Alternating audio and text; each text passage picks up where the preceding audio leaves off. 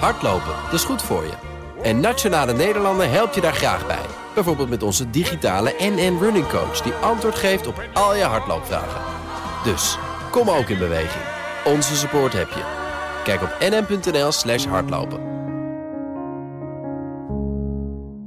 Dit is de Oekraïne Ochtend Update. Mijn naam is Geert-Jan Haan. En ik ben Bernard Hammelburg. We praten hierbij over de laatste ontwikkelingen in Oekraïne. En de gevolgen voor en de reacties van de buitenwereld. Je vindt deze podcast in je favoriete podcast-app. Gisteravond heeft eh, Vladimir Poetin twee decreten getekend... waarmee hij de regio's Gerson en Zaporizhia erkent als onafhankelijke gebieden.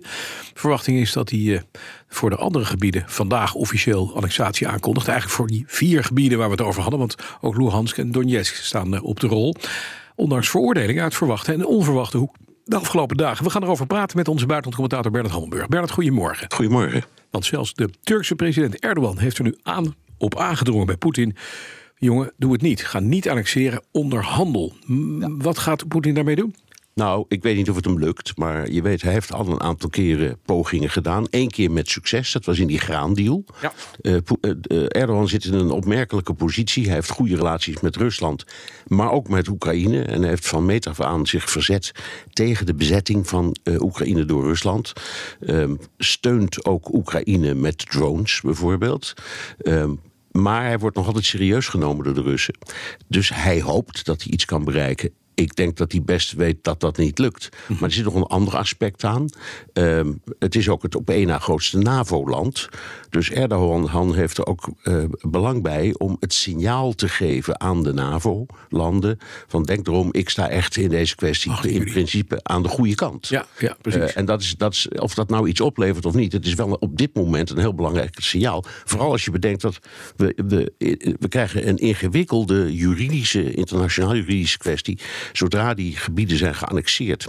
En Rusland vindt dat dat Rusland is, hè, laat het zo even formuleren. En Oekraïne zou proberen daar stukjes van terug eh, te winnen, hè, wat, wat duidelijk hun, hun strategie is. Dan zegt Rusland: ja, wacht even, dit is een aanval op de Russische Federatie. ja. Dat is iets heel anders dan tot nu toe. Dus dat zijn allemaal dingen die Erdogan zich beseft. En tenslotte is ook een belangrijk ding om te weten. Erdo, eh, Ru- Turkije doet niet mee aan de sancties. Ook niet aan bankaire sancties. Dus eh, het biedt de Russen voortdurend een uitweg om toch te kunnen handelen. Ja. Eh, eh, Istanbul eh, is open voor Russisch eh, luchtverkeer. En eh, nou, je, je hebt die verhalen gehoord over mensen die Rusland uit willen. En dat die gaan of naar Dubai of naar eh, Istanbul.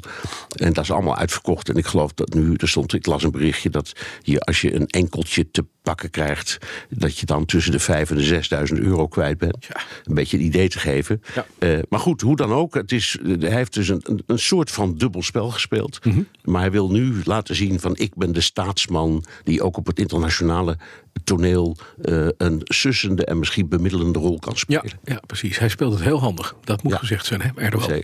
Ja. Nou ja, en je kunt ook zeggen, eh, we, we hebben allerlei bezwaren vaak tegen Erdogan. Maar je kunt ook zeggen, hij verdient wat dit betreft best een, eh, een schouderklopje. Ja, ja precies. De- toch, die annexatie is een feit. De Krim heeft hij al eens een keer geannexeerd. Hè. Dat was, eh, dat was eh, kort na de, de, de inname door de Russen.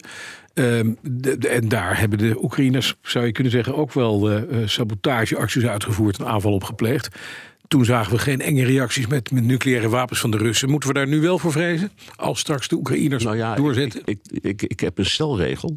Als, als eh, mensen met invloed, belangrijke mensen, bijvoorbeeld de, pre- de, de president van Rusland, het woord nu- nucleaire wapens in de mond neemt, dan moet je het serieus nemen. Ja. Nou, nou zeggen de meeste deskundigen, ja, op een schaal van 10 is de kans niet hoger dan, eh, laten we zeggen, 2% of zo. Eh, maar dat is nog altijd geen nul.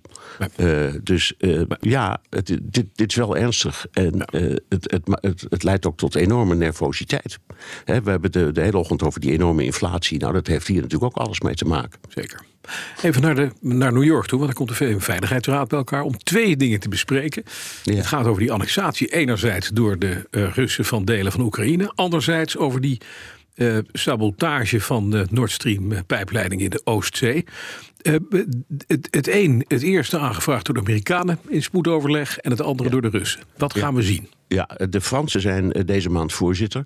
Uh, en die hebben gemeld dat de Verenigde Staten en Albanië, dat dat, dat een wissellid is deze ja. periode, mm -hmm. dat die een uh, resolutie hebben opgesteld om die annexatie te veroordelen. Daar komt natuurlijk een veto van Rusland, maar er is tegenwoordig een, ja, wat nieuws in, in de VN gevonden als dat gebeurt, dan gaat het daarna naar de algemene vergadering. Mm -hmm. He, waar alle 193 landen in zitten en daar krijg je opnieuw een resolutie. Dat zal ongetwijfeld leiden tot een veroordeling. Ja. Dat heeft weliswaar minder te betekenen dan een resolutie in de Veiligheidsraad. Maar het is toch ook wel een belangrijk signaal. He, dat is ook gebeurd toen die oorlog uitbrak. Toen waren er 141 van de 193 landen die hebben gestemd om uh, dat te veroordelen. Dus dat gaat nu weer gebeuren. Ja. De tweede resolutie is, of resolutie, ik weet niet of het een resolutie wordt. Dat vind ik het minstens zo spannend, omdat Rusland niet zo vaak zittingen van de Raad aanvraagt. En het heeft nu een heel narratief opgesteld. Uh, dat als je op Reuters kijkt, kun je het helemaal lezen. En daar, daar, daar komt hierop neer. Uh, die, die aanslagen op die pijpleidingen, ja. die zijn natuurlijk niet door ons gedaan. Dat kunnen wij niet eens. dit, dit vereist enorme technologische middelen die wij niet eens hebben. Mm -hmm. We hebben er ook geen belang bij, want ja, die oorlog is ooit voorbij en dan zouden we best weer gas willen verkopen. Ja. En voor ons is het meer dan duidelijk dat dit gedaan is door, uh, door westerse landen. Ze kwamen gisteren al met een verklaring dat de CIA erachter zat. Ja. Uh, en nu zeggen ze dus heel duidelijk: het is een terroristische daad uh, op het hoogste niveau hm. door een staat gepleegd. Ja. En dat wordt de inhoud van hun klacht. Nou, uh, het punt hierbij is, wij kunnen dat weglachen, maar eerlijk gezegd, Bas, uh, niemand weet nee. wat hier is gebeurd en wie het heeft gedaan. Nee, dus je kunt zeggen, het Russische woord is net zo sterk als, dat van... als, als bijvoorbeeld ja, het Amerikaanse precies. of het Franse of het Engelse. Ja, je zou kunnen zeggen, alleen Tom Clancy weet het antwoord. Maar ja, zo is het.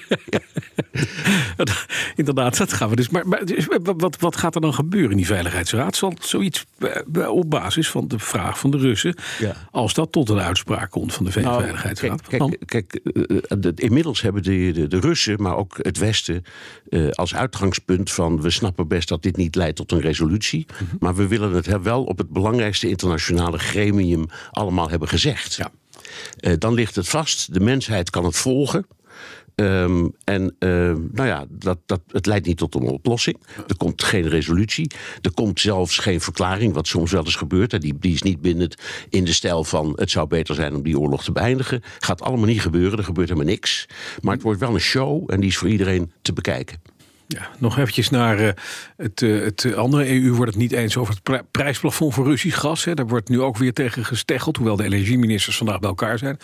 Uh, is het van belang, hè, ook naar de Russen toe, dat we zien dat de Europese Unie zich als één man weer opstelt? Ja, dat is natuurlijk van belang. Ja, tuurlijk, ja. uh, uh, en, en, Rusland heeft door de jaren heen enorme pogingen gedaan om ons tegen elkaar uit te spelen. Ja. Of, of Europa uit te spelen tegen Amerika en vice versa. En dan moet je voor uitkijken. Aan de andere kant, dit is een verschrikkelijk ingewikkeld probleem. Uh, en als je dingen hebt als bijvoorbeeld 17% inflatie. inflatie in je land, zoals wij nu, ja, ja dan, dan, beginnen de andere belangen zo enorm groot te worden dat je misschien even achter de oren moet krabben. Dus ik kan me voorstellen, kijk, wij zullen ongetwijfeld voet bij stuk houden. Maar ik kan me voorstellen dat er landen zijn die zeggen: ja, goh, we gaan hier niet aan meedoen. En weliswaar wenst de EU unanimiteit, maar ik denk altijd: ja, het gaat om uh, 27 soevereine landen. Ja, ja. Die kunnen ook gewoon groepjes vormen. En zeggen, nou, uh, dat doen drie landen niet mee. Mm -hmm. uh, maar de overige wel. Uh, en die, die, die gaan ermee aan de slag. Dus ik, het zou me niet verbazen dat het uiteindelijk die kant uitgaat. Dankjewel, Bernard Handelburg, BNR's buitenlandcommentator. Business Booster. Hey ondernemer, KPN heeft nu Business Boosters. Deals die jouw bedrijf echt vooruit helpen. Zoals nu, zakelijk tv en internet, inclusief narrowcasting... de eerste 9 maanden voor maar 30 euro per maand. Beleef het EK samen met je klanten in de hoogste kwaliteit. Kijk op kpn.com slash businessbooster. Business Booster.